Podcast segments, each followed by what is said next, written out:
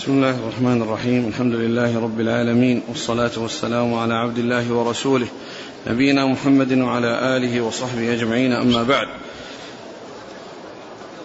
فيقول أمير المؤمنين في الحديث أبو عبد الله محمد بن إسماعيل البخاري رحمه الله تعالى يقول في كتابه الجامع الصحيح باب رقية الحية والعقرب.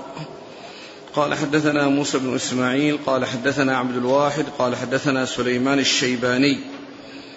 قال حدثنا عبد الرحمن بن الأسود عن أبيه قال سألت عائشة رضي الله عنها عن الرقية من الحمى فقالت رخص النبي صلى الله عليه وسلم الرقية من كل ذي حمى.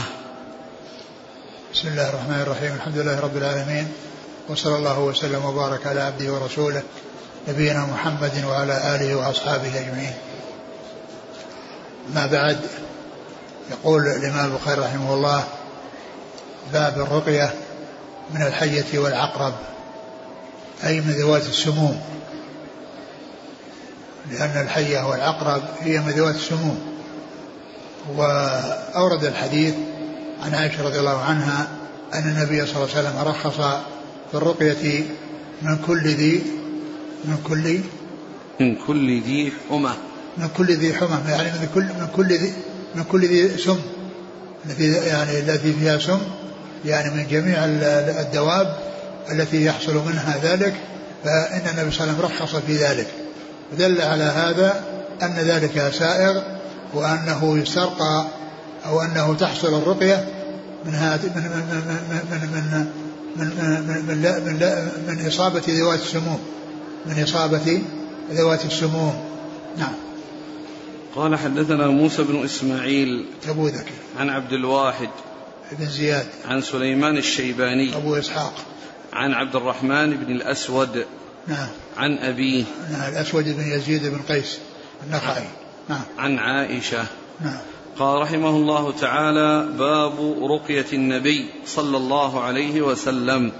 قال حدثنا مسدد قال حدثنا عبد الوارث عن عبد العزيز قال دخلت أنا وثابت على أنس بن مالك رضي الله عنه. فقال ثابت يا أبا حمزة اشتكيت. فقال أنس ألا أرقيك؟ ألا أرقيك برقية رسول الله صلى الله عليه وسلم؟ قال بلى. قال اللهم رب الناس مذهب الباس اشفي أنت الشافي لا شافي إلا أنت شفاء لا يغادر سقما ثم ذكر رحمه الله هذا الباب باب رقية النبي صلى الله عليه وسلم. رقية النبي صلى الله عليه وسلم. أي الرقية الحاصلة من النبي صلى الله عليه وسلم فهو إضافة إلى الفاعل وليس إلى المفعول.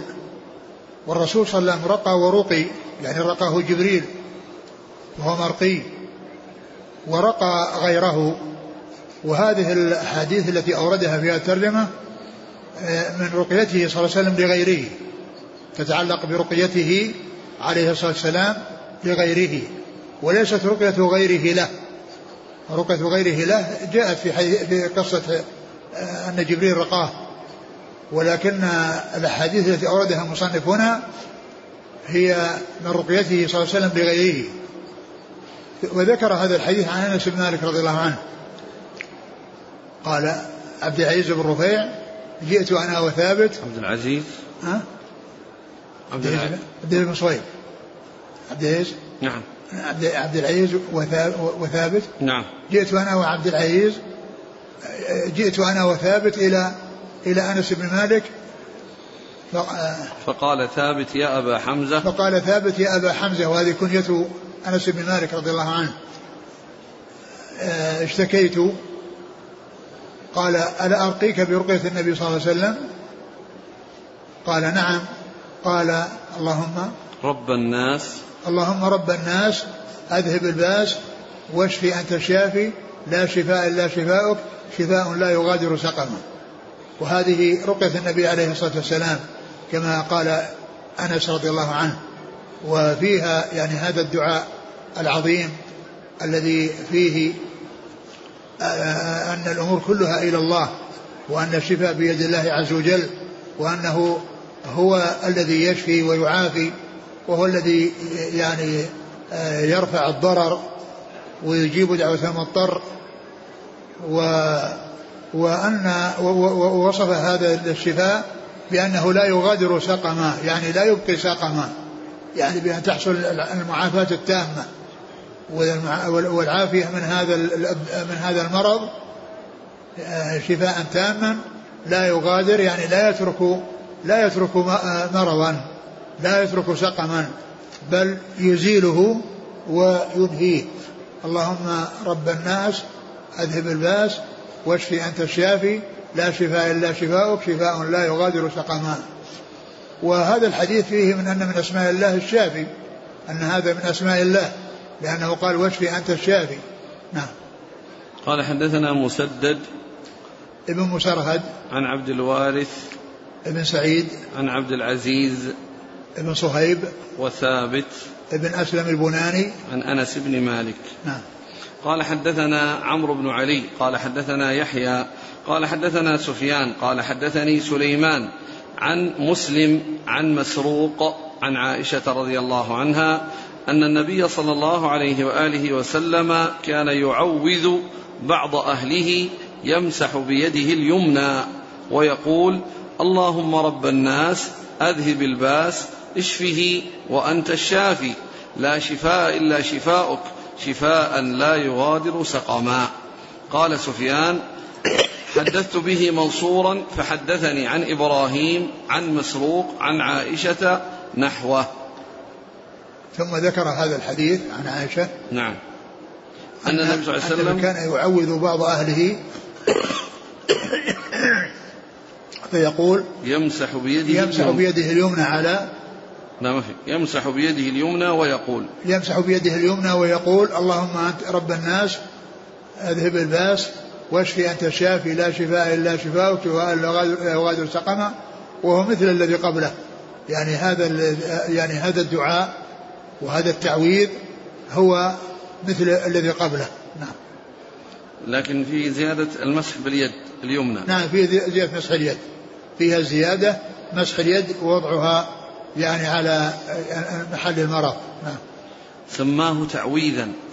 كان يعوذ. نعم. اللهم. يعني سماه يعني تعويذ. سماه تعويذ نعم. وليس في ذكر التعويذ. لكنه يعني دعاء. يعني ف أقول هو أقول هو دعاء وتعويذ بالله وأن ولجوء إلى الله واعتصام بالله وتوكل على الله لأن ذلك كله من الله ويطلب من الله. لكن ما يفهم من كلمة التعويذ اللي هو التحصين قبل وقوع الداء والمكروه يتعوذ قبل. نعم هو يمكن ال ال يعني التعويذ لرفع الواقع ولدفع المتوقع ولدفع المتوقع. وقد جاءت الأحاديث يعني في ذلك بأن الإنسان يسأل ربه رفع ما كان موجودا ودفع ما لم يوجد ويخشى من وجوده. نعم. قال حدثنا عمرو بن علي هو الفلاس. عن يحيى يحيى القطان. عن سفيان. هو الثوري عن سليمان. الأعمش. عن مسلم. مسلم أبو الضحى. بن صبيح صبيح مسلم بن صبيح. عن مسروق. ابن الأجدع. عن عائشة. نعم. قال سفيان حدثت به منصورا. منصور بن المعتمر. فحدثني عن إبراهيم. إبراهيم النخعي. عن مسروق عن عائشة نعم. نحوه. يعني طريقا أخرى. نعم عن عائشة.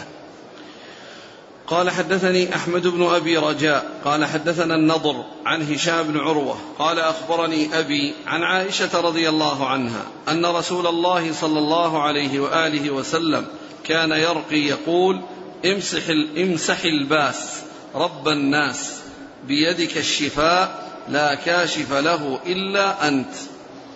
ثم ذكر يعني هذا الحديث وانه كان يرقي ويقول امسح امسح الباس رب الناس رب الناس واشفي بيدك الشفاء. بيدك الشفاء لا. لا كاشف له إلا لا أنت. كاشف له إلا أنت. يعني هو مثل الذي قبله لكنه متفق معه في المعنى. نعم. قال حدثني أحمد بن أبي رجاء نعم. عن النضر ابن شميل. عن هشام بن عروة عن أبيه عن عائشة. نعم.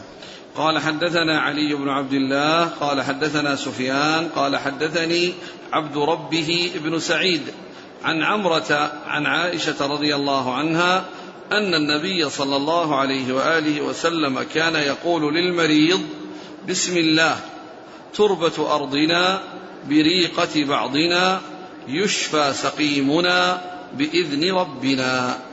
أعد. قال حدثنا علي بن عبد الله قال حدثنا سفيان قال حدثني عبد ربه بن سعيد. عن عمرة عن عائشة رضي الله عنها أن النبي صلى الله عليه وسلم كان يقول للمريض بسم الله تربة أرضنا بريقة بعضنا يشفى سقيمنا بإذن ربنا. ثم ذكر هذا الحديث عن عائشة. عن عائشة رضي الله عنها. أن النبي صلى الله عليه وسلم كان يقول المريض بسم الله تربة أرضنا بريقة بعضنا يشفى به مريضنا. يشفى سقيمنا يشفى, يشفى سقيمنا. بإذن ربنا. يشفى سقيمنا بإذن ربنا. وهذا يعني صيغة من الصيغ التي كان يرقي بها رسول الله عليه الصلاة والسلام وأنه كان يعني يقول آآ آه، آآ آه، كان يقول للمريض بسم الله. بسم الله تربة أرضنا. قيل أنه أنه يضع يبل إصبعه ويضعه على الأرض ثم يضعه على المريض. بسم الله تربة أرضنا بريقة بعضنا يعني الريق الذي وضع على الأصبع ثم وضع الأصبع على الأرض وفيه رطوبة وعلق به شيء من التراب ثم وضع على المريض وقال يشفى به مريضنا بإذن بإذن ربنا. قيل إن هذا يعني عام في جميع الأراضي وفي جميع البلاد وقيل إنه خاص بهذه بهذه المدينة. ويقول حافظ بن حجر أن تخصيصه في المدينة فيه نظر. نعم. قال حدثنا علي بن عبد الله ابن المديني. عن سفيان بن عيينة. عن عبد ربه بن سعيد. وهو أخو يحيى بن سعيد الأنصاري. عبد ربه بن سعيد.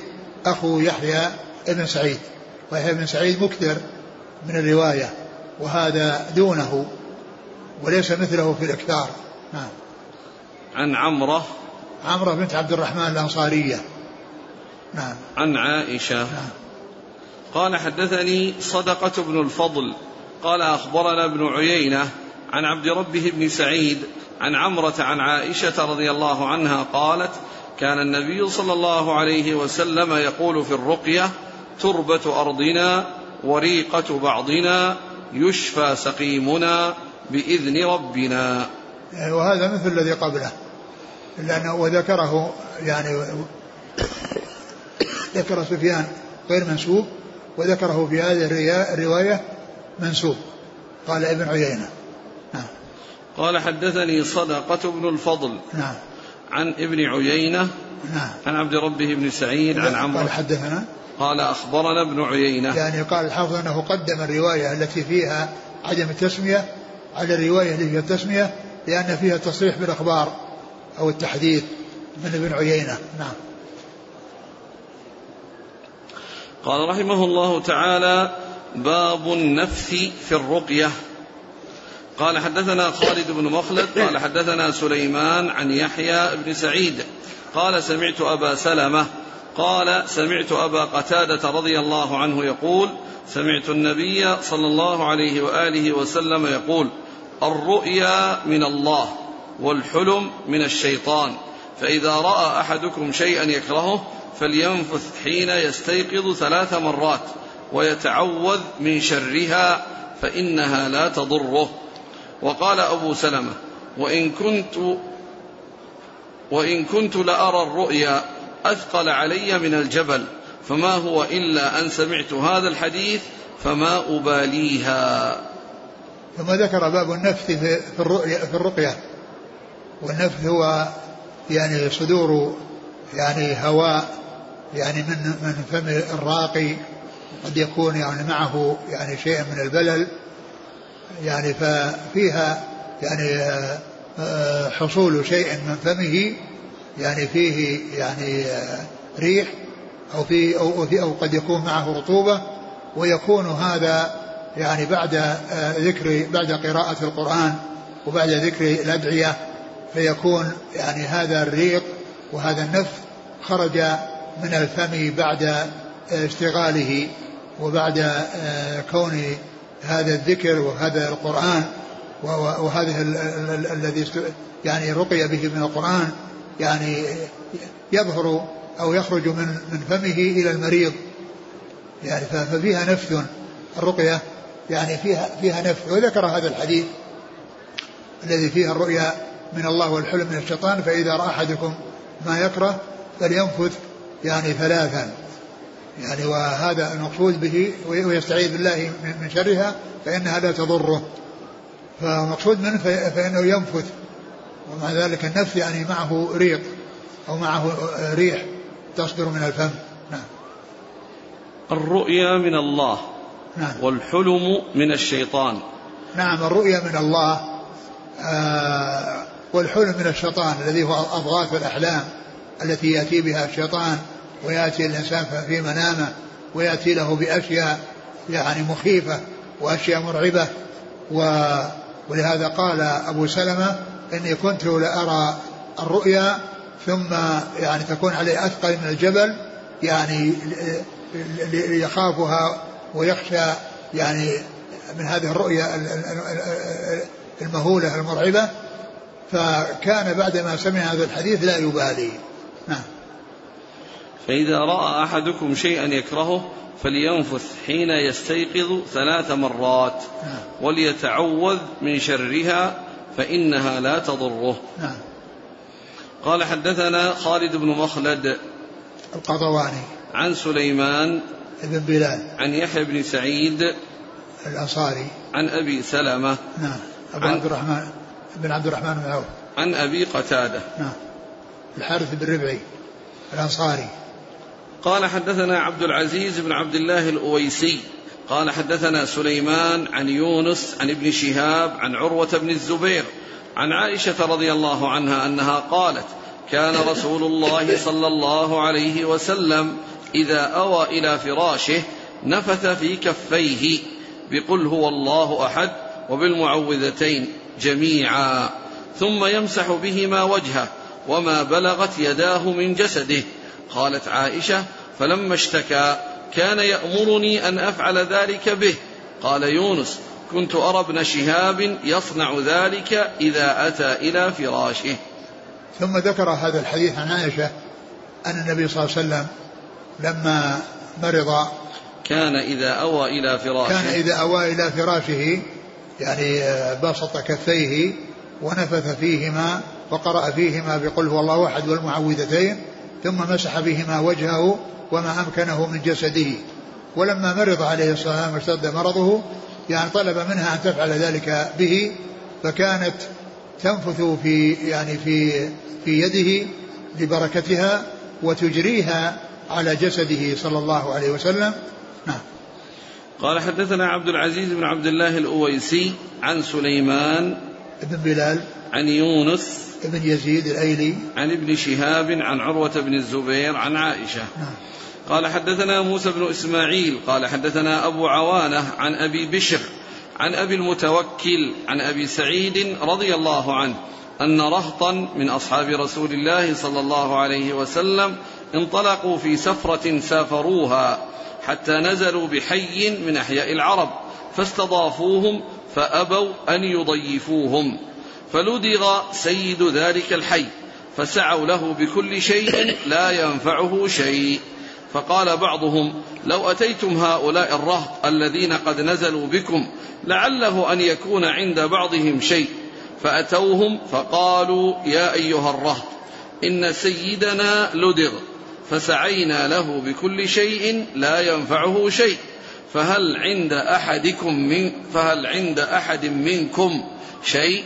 فقال بعضهم نعم والله إني لراق ولكن والله لقد استضفناكم فلم تضيفونا فما أنا براق لكم حتى تجعلوا لنا جعلا. فصالحوهم على قطيع من الغنم فانطلق فجعل يتفل ويقرأ الحمد لله رب العالمين حتى لكأنما نشط من عقال. فانطلق يمشي ما به قلبه. قال فأوفوهم فأوفوهم جعلهم.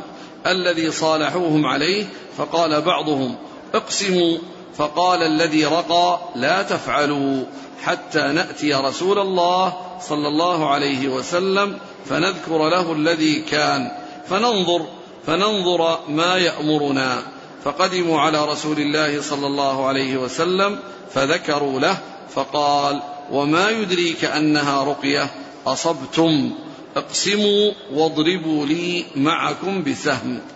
ثم ذكر هذا الحديث حديث أبي سعيد الذي مر أكثر من مرة في يعني في عند البخاري رحمه الله وأورده هنا من أجل ما اشتمل عليه من النفث ومن التفل عند عند القراءة وعند الرقية لأنه كان يتفل بفاتحه الكتاب ويقرأ ويقرأ الفاتحة. فحصل الشفاء بهذه الرقية بالفاتحة.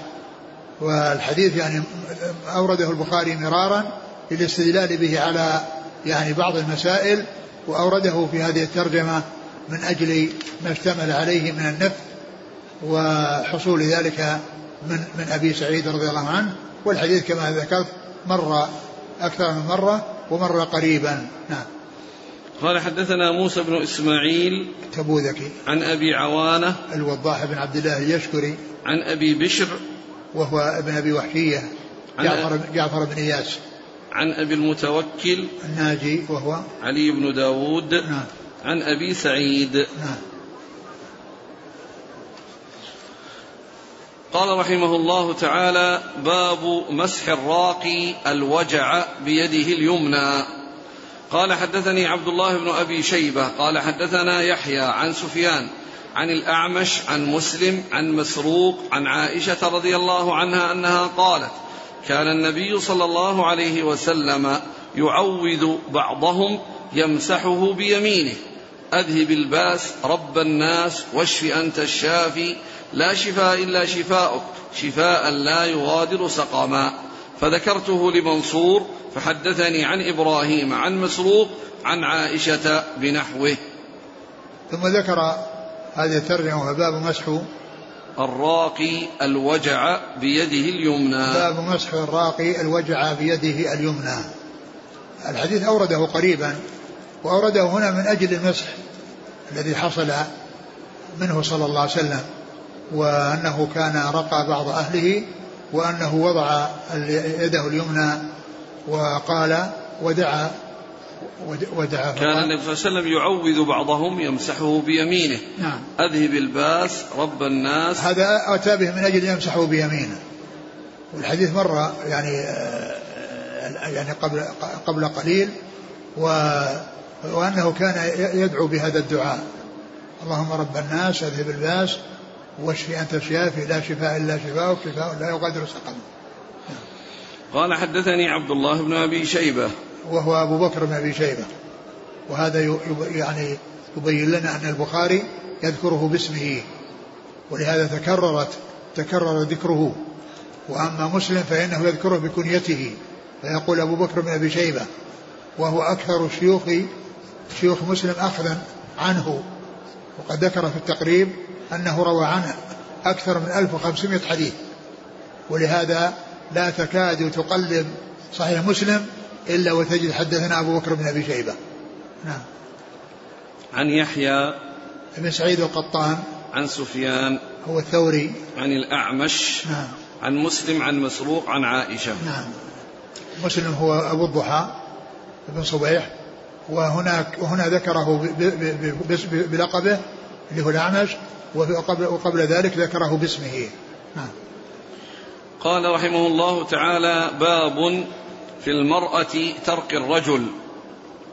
قال حدثني عبد الله بن محمد الجعفي. قال حدثنا هشام. قال أخبرنا معمر عن الزهري عن عروة عن عائشة رضي الله عنها أن النبي صلى الله عليه وسلم كان ينفث على نفسه في مرضه الذي قبض فيه بالمعوذات. فلما ثقل كنت أنا أنفث عليه بهن. فأمسح بيد نفسه لبركتها. فسألت ابن شهاب كيف كان ينفث؟ قال ينفث على يديه ثم يمسح بهما وجهه. أعد باب. في المرأة ترقي الرجل. نعم. قال حدثني عبد الله بن محمد الجعفي. قال حدثنا هشام. قال أخبرنا معمر عن الزهري عن عروة عن عائشة رضي الله عنها أن النبي صلى الله عليه وسلم كان ينفث على نفسه في مرضه الذي قبض فيه بالمعوذات. فلما ثقل كنت أنا أنفث. شو الحديث اللي قبل هذا اللي قال بقول هو الله أحد والمعوذتين. نعم. نعم. كان إذا اللي قبل هذا أقرب شيء كان إذا أوى إلى فراشه. نعم. نفث في كفيه قل هو الله أحد والمعوذتين. نعم. قل هو الله أحد والمعوذتين. يعني وهنا قال المعوذات. ويعني معنى ذلك أن المعوذات تطلق على المعوذتين وقل هو الله أحد وتطلق على المعوذتين يعني وحدهما ولكن كونه ذكر في بعض المواضع قل هو الله أحد والمعوذتين وذكره في بعض المواضع المعوذات يعني أنها هذا مما يفيد أن أنه أنها تدخل قل هو الله أحد تبعا وإن لم يكن فيها تعويذ. نعم. لكن يشكل أن هذا الآن في المرض الموت. وذاك الحديث كان في دعاء النوم. اللي مر معنا. لا بس من ناحية ال بس من ناحية ال أن أن أن, فيه يعني إطلاق آآ آآ قل هو الله أحد والمعوذين وإطلاق المعوذات وإطلاق المعوذات. قالت رضي الله عنها كان صلى الله عليه وسلم أن النبي صلى الله عليه وسلم كان ينفث على نفسه في مرضه الذي قبض فيه بالمعوذات. نعم. فلما ثقل كنت أنا أنفث عليه بهن فأمسح بيد نفسه لبركتها. فسألت ابن شهاب كيف كان ينفث؟ قال ينفث على يديه ثم يمسح بهما وجهه. وهنا ذكر الترجمة بأنها رقية المرأة للرجل وذكر رقية عائشة للرسول صلى الله عليه وسلم وهي زوجته. وهذا الأمر فيه واضح. يعني كون المرأة ترقي محرمها وجاء في حديث عائشة. لكن لا يعني ذلك أن أن أن النساء يرقين الرجال الأجانب. ولكن يمكن أن يحصل ذلك برقيتهن في ماء ويعطى للرجل في ماء يعطى للرجل لأن النفس يتطلب أنها تكشف وجهها ولا تكشف وجهها عن الأجنبي ولكن يمكن أن يكون ذلك في رقية بماء أو بشيء سائل ويستفيد منه المرقي. وأما رقية ذات المحارم لمحارمهن فدليله حديث عائشة رضي الله عنه هذا عنها هذا. نعم. والحديث سبق أن مر ولكنه أورد هنا من أجل أن عائشة رقت الرسول صلى الله عليه وسلم وأنها تنفث في يده وتمسح تنفث في يده وتمسح بها يعني وجهه لبركتها يعني كون اليد هي اللي تمسح وهو لا يستطيع أن يحركها ويوصلها ولكن لك رضي الله عنه ما كانت تنفث عليه مباشرة إنما تنفث بيده من وتمسح بها جسده صلى الله عليه وسلم. نعم. قال حدثني عبد الله بن محمد الجعفي نعم هو المسندي. عن هشام بن يوسف الصنعاني. عن معمر بن راشد. عن الزهري عن عروة عن عائشة. نعم. قال رحمه الله تعالى باب من لم يرقي قال حدثنا مسدد قال حدثنا حسين بن نمير. عن حسين بن عبد الرحمن عن سعيد بن جبير عن ابن عباس رضي الله عنهما أنه قال خرج علينا النبي صلى الله عليه وسلم يوما فقال عرضت علي الأمم فجعل يمر النبي معه الرجل والنبي معه الرجلان والنبي معه الرهط والنبي ليس معه أحد. ورأيت سوادا كثيرا سد الأفق فرجوت أن يكون أمتي. فقيل هذا موسى وقومه. ثم قيل لي انظر فرأيت سوادا كثيرا سد الأفق فقيل لي انظر هكذا وهكذا. فرأيت سوادا كثيرا سد الأفق فقيل هؤلاء أمتك. ومع هؤلاء سبعون ألفا يدخلون الجنة بغير حساب. فتفرق الناس ولم يبين لهم. فتذاكر أصحاب النبي صلى الله عليه وسلم فقالوا أما نحن فولدنا في الشرك. ولكنا آمنا بالله ورسوله ولكن هؤلاء هم أبناؤنا. فبلغ النبي صلى الله عليه وسلم فقال هم الذين لا يتطيرون ولا يسترقون ولا يكتوون وعلى ربهم يتوكلون. فقام عكاشة بن محصن فقال أمنهم أنا يا رسول الله؟ قال نعم. فقام آخر فقال أمنهم أنا فقال سبقك بها عكاشة. ثم ذكر باب من لم يرقي يعني ما حصلت منه الرقية أو ما طلب الرقية. ومعلوم أن طلب الرقية يعني كل إنسان يرقي غيره لا بأس به ولا يمنع يعني من يرقيه. إذا جاء يعني إنسان وأراد أن يرقيه يرقيه لا بأس. وهو ما طلب. والذي ورد في سبعين ألف أنهم لا يسرقون يعني لا يطلبون من غيرهم. لكن لو جاء أحد بطون طلب ورقى فإن ذلك لا يدخل في, في يعني في فيما جاء في الحديث. وإنما الذي جاء فيه أنهم يسترقون يعني يطلبون الرقية. أنهم لا يسترقون أنهم لا يطلبون الرقية لا يطلبون من غيرهم أن يرقيهم ولا يكتوون ولا يتطيرون وعلى ربهم يتوكلون. هذه صفات سبعين ألف. وقوله يعني باب من لم يرقي يعني أن أن أن حصول الرقية ليس بلازم وأن وأن الإنسان يمكن أنه يترك طلب الرقية ويتوكل على الله عز وجل ويلجأ إليه ويطلب منه الشفاء وإن كان ذلك سببا مباحا جاءت به السنة عن رسول الله عليه الصلاة والسلام كما سبق أن مر في بعض الأحاديث الدالة على حصول حصول الاسترقاء. ولكن هذا ذاك يدل على الجواز وعلى أنه سائغ ومشروع وأنه لا بأس به ولكن هذا الحديث الذي أورده وقد مر مرارا وتكرارا من أجل ما فيه من ترك الرقية وعدمها.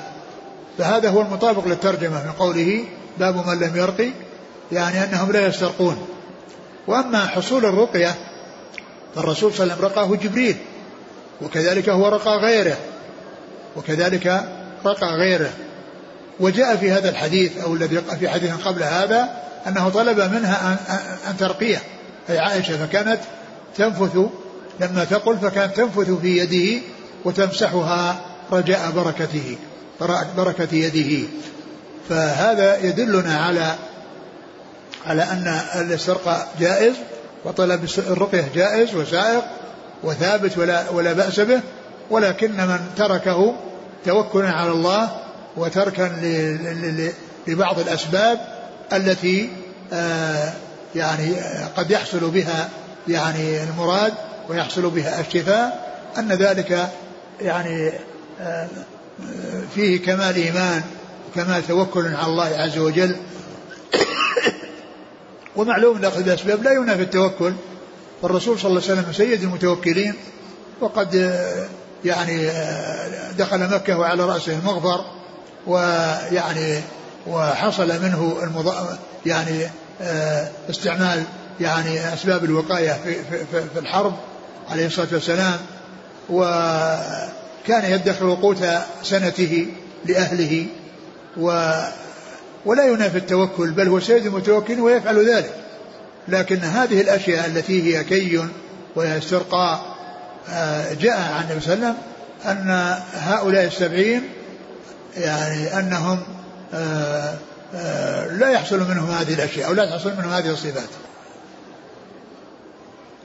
هذا العرض عرضت علي نعم، الأمم. عرضت علي الأمم عرضت علي الأمم فرأيت يعني يمكن أن يكون ذلك يعني رآه يعني مناما. ومعلوم أن الأنبياء حق. وأنها وحي. وكذلك أيضا يعني يدل على هذا هذا الذي جاء في أوله قلة من استجاب للأنبياء وعلى أن موسى أكثر يعني الناس تابعا أتباعا بعد رسول الله عليه الصلاة والسلام. ولهذا يعني لم يأتي ذكر نبي في القرآن مثل ما ذكر موسى ولم يأتي ذكر كتاب من الكتب المنزلة مثل ذكر كتاب موسى الذي هو التوراة. فموسى أكثر الأنبياء ذكرا في القرآن وأكثر وكتابه أكثر الكتب المنزلة ذكرا في القرآن في القرآن الكريم. قال حدثنا مسدد عن حسين بن نمير. مسدد عن مسدد عن حسين بن نمير. نعم. عن حسين بن عبد الرحمن نعم. عن سعيد بن جبير عن ابن عباس نعم. قال رحمه الله تعالى باب الطيرة قال حدثني عبد الله بن محمد قال حدثنا عثمان بن عمر قال حدثنا يونس عن الزهري عن سالم عن ابن عمر رضي الله عنهما أن رسول الله صلى الله عليه وسلم قال لا عدوى ولا طيرة والشؤم في ثلاث في المرأة والدار والدابة. ثم ذكر باب الطيرة. باب الطيرة. والطيرة هي التشاؤم. يعني وأصلها أنهم كانوا في الطير يتشاءمون به. فإذا أرادوا سفرا فمر طائر وراح إلى جهة اليمين. يعني مضوا في السفر. وإن مضى إلى جهة الشمال تركوا السفر من أجل هذا الذي حصل. يعني من هذا الطير. وربما حركوا أو بعثوا الطيور يعني حتى ينظرون حتى ينظروا أين تذهب هل تذهب يمينا أو شمالا؟ فإن ذهبت يمينا أقدموا وإن ذهبت شمالا أحجموا وامتنعوا. وهذا كله من أعمال الجاهلية ومن أفعال الجاهلية التي جاء الإسلام وحرمها ومنع منها وأن الأمور كلها بيد الله عز وجل وأنهم يتوكلون على الله عز وجل ولا يصيرون إلى هذه الأوهام وهذه الأفعال السيئة التي آه، يبنون فيها أسفارهم على على على على آه، سير الطيور إلى جهة اليمين أو إلى جهة الشمال. قال عليه الصلاة والسلام لا عدوى ولا طيرة. لا عدوى ولا طيرة. والمعنى أنه يعني ليس هناك عدوى بطبعها وأن هذا الذي يتطيرون به لا يأتي بشيء لم يقدره الله بل كل ما يقع هو بقضاء الله وقدره وأنها لا ترد وأنها لا تأتي بخير ولا يحصل من ورائها خير ولا يحصل من ورائها دفع, دفع شر بل كل هذا من الأوهام والخرافات التي كان أهل الجاهلية يعني يفعلونها. لا عدوى ولا طيرة. والشؤم؟ قال والشؤم في ثلاث. والشؤم في ثلاث. في المرأة والفرس؟ في المرأة والدار والدابة. في المرأة والدار والدابة. آه الشؤم كما هو معلوم يعني آه أو أو الطيرة يعني نفيت في الإسلام. وهذا الذي جاء في هذا الحديث من ذكر أن الشؤم يكون في هذه الثلاث يعني لملازمتها لكونها ملازمة. فإذا حصل يعني أن, أن إنسانا يعني اشترى دابة وصارت كثيرة الضرر وكثيرة ال ال يعني التأثر ويعني لا يحصل يعني الإنسان معها فيها راحة وكذلك الدار يعني لا يطمئن فيها ولا يهدأ فيها وكذلك الزوجة. قيل إن هذه الثلاث لأنها ملازمة ليست من الأشياء العارضة والطارئة. فالإنسان إذا تكرر أو حصل منه وجود يعني هذه الأشياء قد يؤثر ذلك إلى على قلبه ويؤثر على نفسه فكونه يعني آه، يحصل منه المفارقة والترك يعني له وجه. ولهذا جاء في حديث عند الإمام أحمد وغيره أن أناس أن أناسا آه، آه، يعني جاءوا يعني آه، جاءوا إلى النبي صلى الله عليه وسلم وقال إنا كنا في دار يعني كنا مرتاحين وكثيرين ولما انتقلنا إلى دار أخرى حصل فيها أن حصلت القلة وحصل فيها التغير. قال دعوها فإنها ذميمة دعوها أو ذروها فإنها ذميمة. يعني هذا يعني يتعلق أو يبين يعني ما جاء في هذا الحديث من أن الذي فيه الملازمة إذا كثر فيه التأثر وكثر فيه الاستياء فإن ذلك قد يؤثر على نفسه وعلى عقله وعلى يعني دينه. فالتخلص من ذلك إذا أراد أن يتخلص له وجه وله مندوحة. وهذا الحديث أنها أظن عند أبي داود وعند الحاكم والحافظ والشيخ الألباني قال إنه حسن. نعم. والشؤم في ثلاث في المرأة والدار والدابة. نعم. قال حدثنا عبد الله بن محمد المسندي عن عثمان ابن عثمان بن عمر نعم. العبدي عن يونس عن الزهري عن سالم عن ابن عمر. يونس بن يزيد وسالم ابن عبد الله بن عمر. نعم. قال حدثنا أبو اليمان قال أخبرنا شعيب عن الزهري قال أخبرني عبيد الله بن عبد الله بن عتبة أن أبا هريرة رضي الله عنه قال سمعت رسول الله صلى الله عليه وسلم يقول لا طيرة وخيرها الفأل. قالوا وما الفأل؟ قال الكلمة الصالحة يسمعها أحدكم. ثم قال باب لا زال باب في الحديث نفسه في الطيرة. نعم. قال آه النبي صلى الله عليه وسلم قال لا طيرة وخيرها الفأل. نعم قالوا وما الفأل؟ قال الكلمة الطيبة يسمعها أحدكم, أحدكم نعم. يسمعها أحدكم.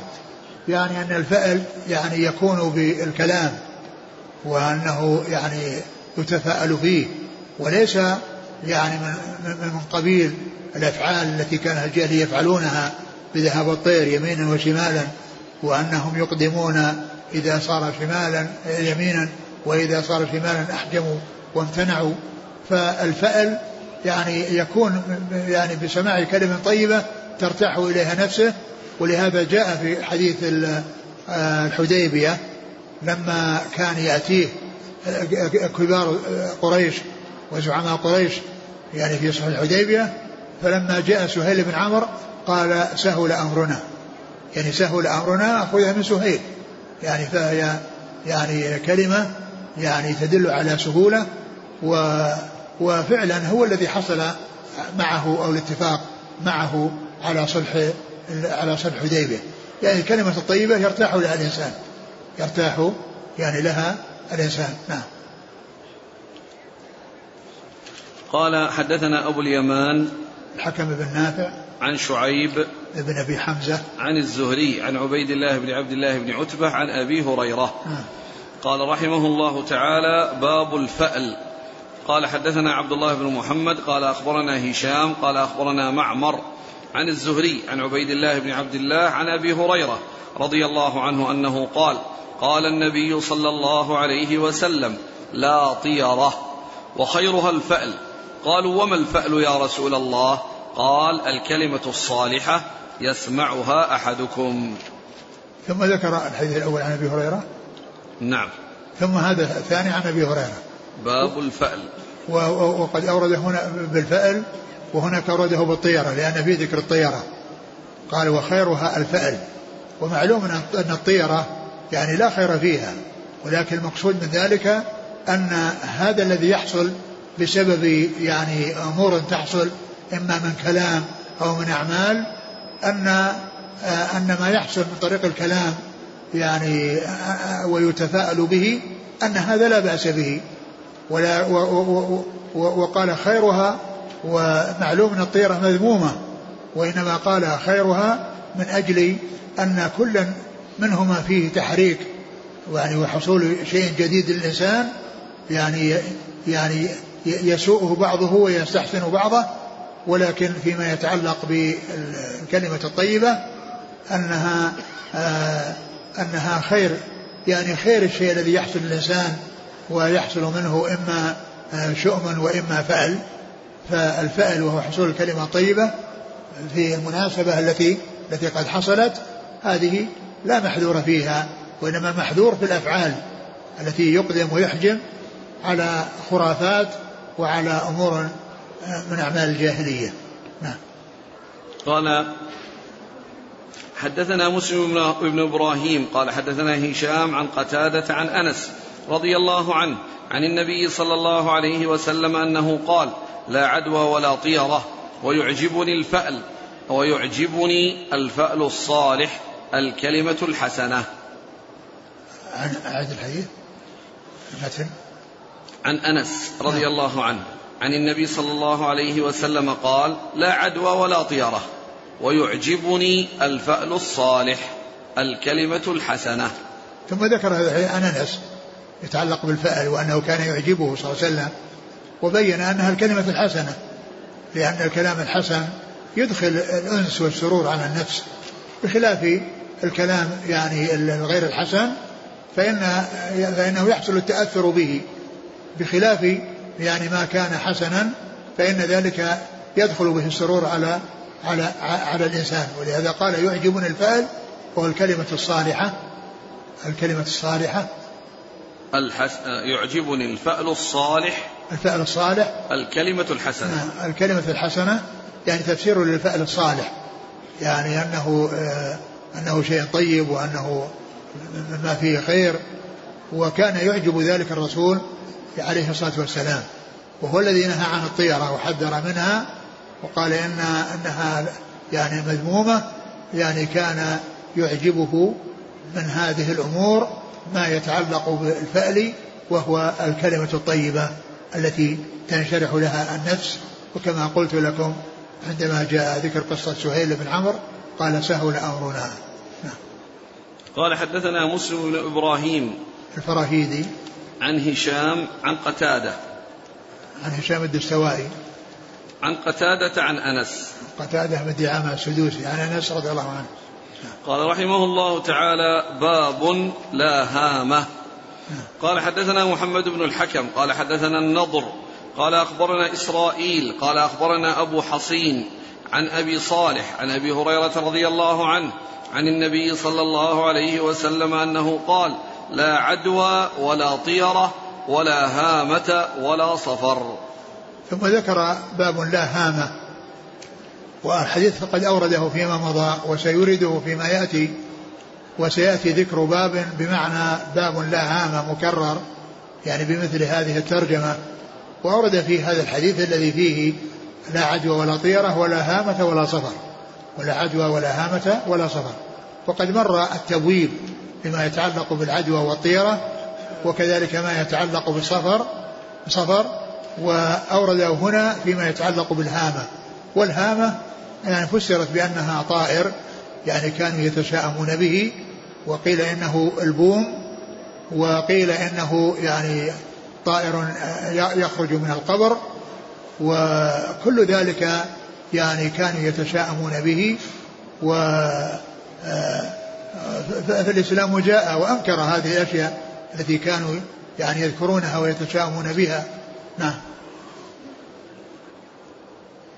قال حدثنا محمد بن الحكم نعم. عن النضر بن شبيب عن إسرائيل بن يونس بن أبي إسحاق. عن أبي حصين وهو عثمان بن عاصم الأسدي نعم. عن أبي صالح ذكوان السمان. عن أبي هريرة. نعم. قال رحمه الله تعالى باب الكهانة.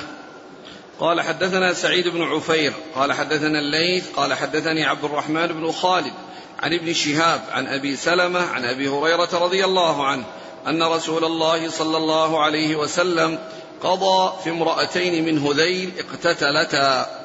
فرمت إحداهما الأخرى بحجر فأصاب بطنها وهي حامل فقتلت ولدها الذي في بطنها. فاختصموا إلى النبي صلى الله عليه وسلم فقضى ان ديه ما في بطنها غرة عبد أو أمة. فقال ولي المرأة التي غرمت كيف أغرم يا رسول الله؟ من, من لا شرب ولا أكل ولا نطق ولا استهل فمثل ذلك بطل. فقال النبي صلى الله عليه وسلم إنما هذا من إخوان الكهان. والله تعالى أعلم وصلى الله وسلم وبارك على عبده ورسوله نبينا محمد وعلى آله وأصحابه أجمعين. جزاكم الله خيرا وبارك الله فيكم والهمكم الله الصواب ووفقكم للحق. شفاكم الله وعافاكم ونفعنا الله ما سمعنا وغفر الله لنا ولكم وللمسلمين أجمعين. آمين آمين. كيف الكلام على على الهامة؟ المعنيين ذكرها أظن ذكرهما في الموضع الثاني. قال أبو زيد هي بالتشديد وخالفه الجميع فخففوها وهو المحفوظ في الرواية. وكأن من شددها ذهب إلى واحدة الهوام وهي ذوات السموم. وقيل دواب الأرض التي تهم بأذى الناس. وهذا لا يصح نفيه إلا إن أريد أنها لا تضره لذواتها وإنما تضر إذا أراد الله إيقاع الضرر بمن أصابته.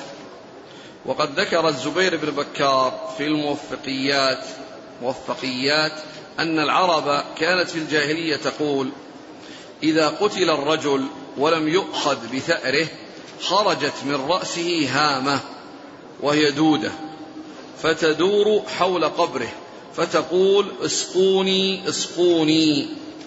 فإن أدرك بثأره ذهبت وإلا بقيت. وفي ذلك يقول شاعرهم يا عمرو إلا تدع يا عمرو إلا تدع شتمي ومنقصتي أضربك حتى تقول الهامة اسقوني قال وكانت اليهود تزعم أنها تدور حول قبره سبعة أيام ثم تذهب. وذكر ابن فارس وغيره من اللغويين نحو الأول إلا أنهم لم يعينوا كونها دودة. بل قال القزاز الهامة طائر. من طير الليل كأنه يعني البومة. وقال ابن العرابي كانوا يتشاءمون بها. إذا وقعت على بيت أحدهم يقول نعت إلي نفسي أو أحدا من أهل داري وقال أبو عبيد كانوا يزعمون أن عظام الميت تصير هامة فتطير ويسمون, ويسمون ذلك الطائر الصدى أو صدى. فعلى هذا فالمعنى في الحديث لا حياة لهامة الميت. وعلى الأول لا شؤم بالبومة ونحوها. ولعل المؤلف ترجم لا هامة مرتين بالنظر لهذين التفسيرين. والله أعلم. يقول فضيلة الشيخ حفظك الله. هل يجوز للرجل أن يترك غسل سيارته خوفا من العين؟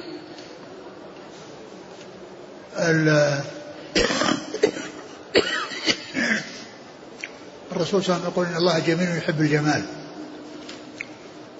فالإنسان يعني لا يفعل مثل هذه الأفعال من أجل يعني لأن لأن مثل ذلك إذا صار معروف إنه جديد وصاحب العين يعني لو وجد منه يعني هذا الوسخ أو الغبار الذي على السيارة ويعرف أنها جديد يعني لا يدفع نفسه ولا يمنع نفسه من أن يعني يحصل منه الحسد.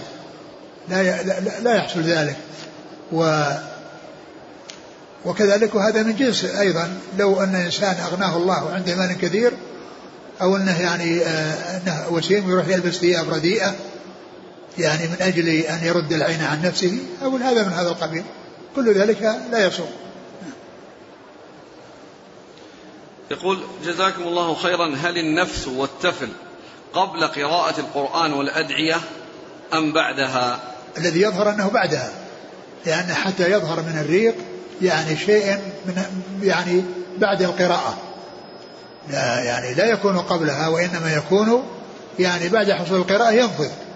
يعني حتى يحصل هذا السائل أو هذا الهواء الذي على إثر حصول القراءة والتعوذات.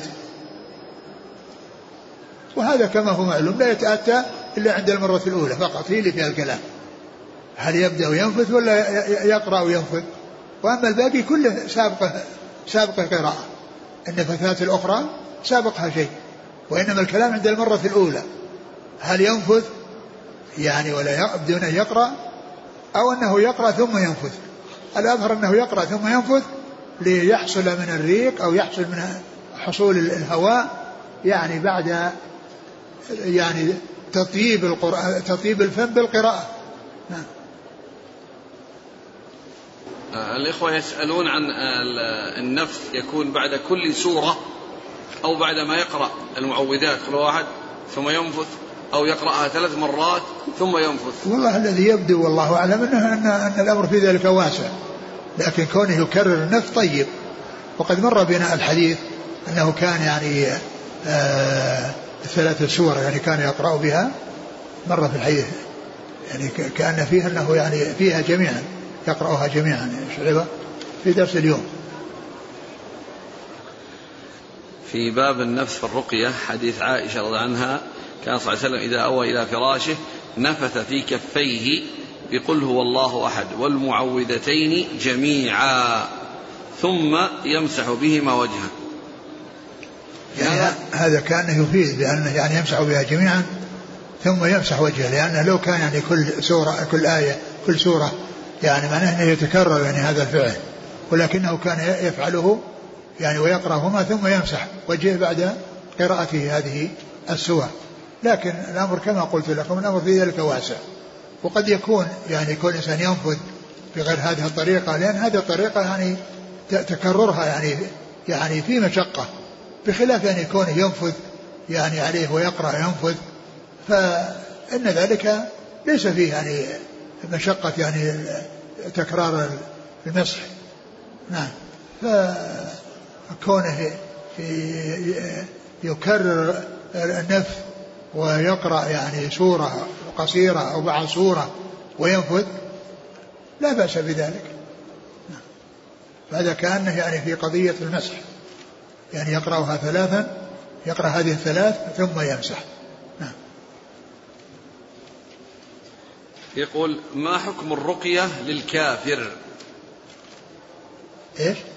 رقية الكافر هل يرقى الكافر؟ الكافر يعني هو لا يؤمن بالله عز وجل ولا يؤمن بهذا القرآن. وما أعلم شيء يدل على على أنه يرقى. يقول لماذا ترجم بهذه التراجم الهامة والطيرة والكهانة في باب الطب؟ ما مناسبة ذلك لكتاب الطب؟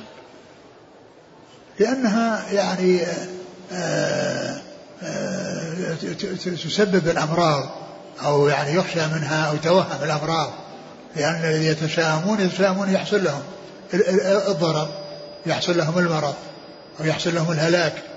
نعم. يقول آه، وفقك الله بعض الناس بعد أذكار الصلوات وبعد قراءة آية الكرسي والمعوذات يمسح على على جسده. والله ما, ورد؟ ما أعلم شيء يدل على هذا. لا أدري. يقول ما حكم قول ما شاء الله تبارك الله لمن رأى شيئا يعجبه؟ أما البركة فهذه واضحة جاءت في الحديث. هذه البركة يعني جاء ذكرها في الحديث يعني يبرك يعني يقول يعني تبارك الله وبارك الله فيك أو اللهم بارك فيك. وإذا يعني يعني ضم إليه ما شاء الله ظنه جاء في أثر من الآثار ذكره الحافظ يعني في مضى في آخر في آخر باب. آخر. ما شاء الله ها؟ آخر باب إيش؟ في آخر في شرحه. آخر شرحه لباب من الأبواب. ما شاء الله تبارك الله. أثر ما أدري منه عنه لكن ذكره فليدعو بالبركة. وأخرج البزار بن السني من حديث أنس رفعه من رأى شيئا فأعجبه فقال ما شاء الله لا قوة إلا بالله. لا قوة إلا بالله ما في تبارك الله. نعم. لم يضره. من رأى شيئا فأعجبه فقال ما شاء الله لا قوة إلا بالله لم يضره. إيه ما أعرف يعني شيء عن عن حكمه ذكرنا مرفوع. يقول آه لما بوب البخاري فقال المرأة ترقي الرجل هل يفهم من أنه يرى أن المرأة يجوز لها أن ترقي الأجانب؟ والله ما أقول ما يبدو هذا. أقول ما يبدو إنما ذكر أن أنه يعني يعني كما يحسن الرجل يحسن من المرأة. الجملة لكن لا يعني ذلك أنها ترقي الأجانب. إلا, إذا قلت كما قلت يعني في شيء يعني آه، في ماء أو في زيت أو في عسل أو غير ذلك من الأشياء السائلة التي يعلق بها الريق ويعلق بها النفس. يقول بعض الناس يذهبون لبعض القساوسة ليقرأوا عليهم من الإنجيل بغرض خروج الجن. فما حكم ذلك؟ هذا من أنكر المنكرات. ثم كون الكفار يذهب بعضهم إلى بعض هذا هذا عمل الكفار. لكن كون مسلم يذهب للكافر يعني يعني يطلب منه إنه يعمل شيء يخرج الجن يعني هذا كالمستجير من الرمضاء بالنار. نعم. يقول آه، شيخنا أحسن الله إليكم سمعنا بعض من, ير من يقوم بالرقية حينما يقرأ بعض الآيات يكرر بعض الكلمات من الآية. كمثل ولكن الشياطين كفروا. فيكرر كفروا كفروا كفروا. ثم يستمر ما هو بجيد؟ أقول هذا ليس بجيد. يعني كونه يعني يأتي بكلمة واحدة يكررها يعني ما ما هو بجيد. يقول ما حكم ثم بعدين هذه الآية يعني يقرأها يعني يرقي به ولكن الشياطين كفروا. يعني يرقي بما فيه ذكر الله وما فيه يعني آية الكرسي والمعوذتين ويعني وغيرها من الأشياء. أما وليس كل شيء يرقى به. ما يجي يقرأ واحد يقول تبت يد أبي لهب وينفث ويمشي. نعم. يقول قول بعد قوله تعالى أليس ذلك بقادر على أن يحيي الموتى؟ سبحانك فبلى. وفي آخر سورة التين والزيتون أليس الله بأحكم الحاكمين؟ سبحانك فبلى. ما حكم ذلك؟ الذي الذي أذكر أن ما جاء في آخر القيامة ثابت وأما غيره لم يثبت. يقول نحن في مدينة كبيرة لا نقدر أن ندفن الموتى في خارجها. بسبب المشقة التي تحصل لنا في حمل الجنازة. إيش؟ إيش؟ نحن في مدينة كبيرة. أيوه. لا نقدر أن ندفن الموتى في خارج المدينة. خارجها نعم. ها. بسبب المشقة التي تحصل لنا في حمل الجنازة نعم. واشتراء أرض لا نستطيع. وإيش؟ واشتراء أرض حتى نجعلها مقبرة لا نستطيع. طيب وين يدفنون؟ فهل يجوز لنا أن ننبش المقبرة التي امتلأت وهي قريبة لنا وندفن الأموات الجدد. الذي يظهر أن هذا لا ينبغي أن أنه ينبش أصحاب القبور ويدفن. أقول لا, لا ينبغي أن يفعل هذا. وإذا كان يعني يعني قضية أما قضية كونهم يحملونها يحملونها بالسيارات. مو لازم يحملون على أكتافهم مدة طويلة يتعبون. أما قضية أن كونهم يعني يعني لا يستطيعون يسعون يسعون إلى أن يحصلوا يعني ثمن يشترون به شيء أرضا يدفنون فيها موتاهم.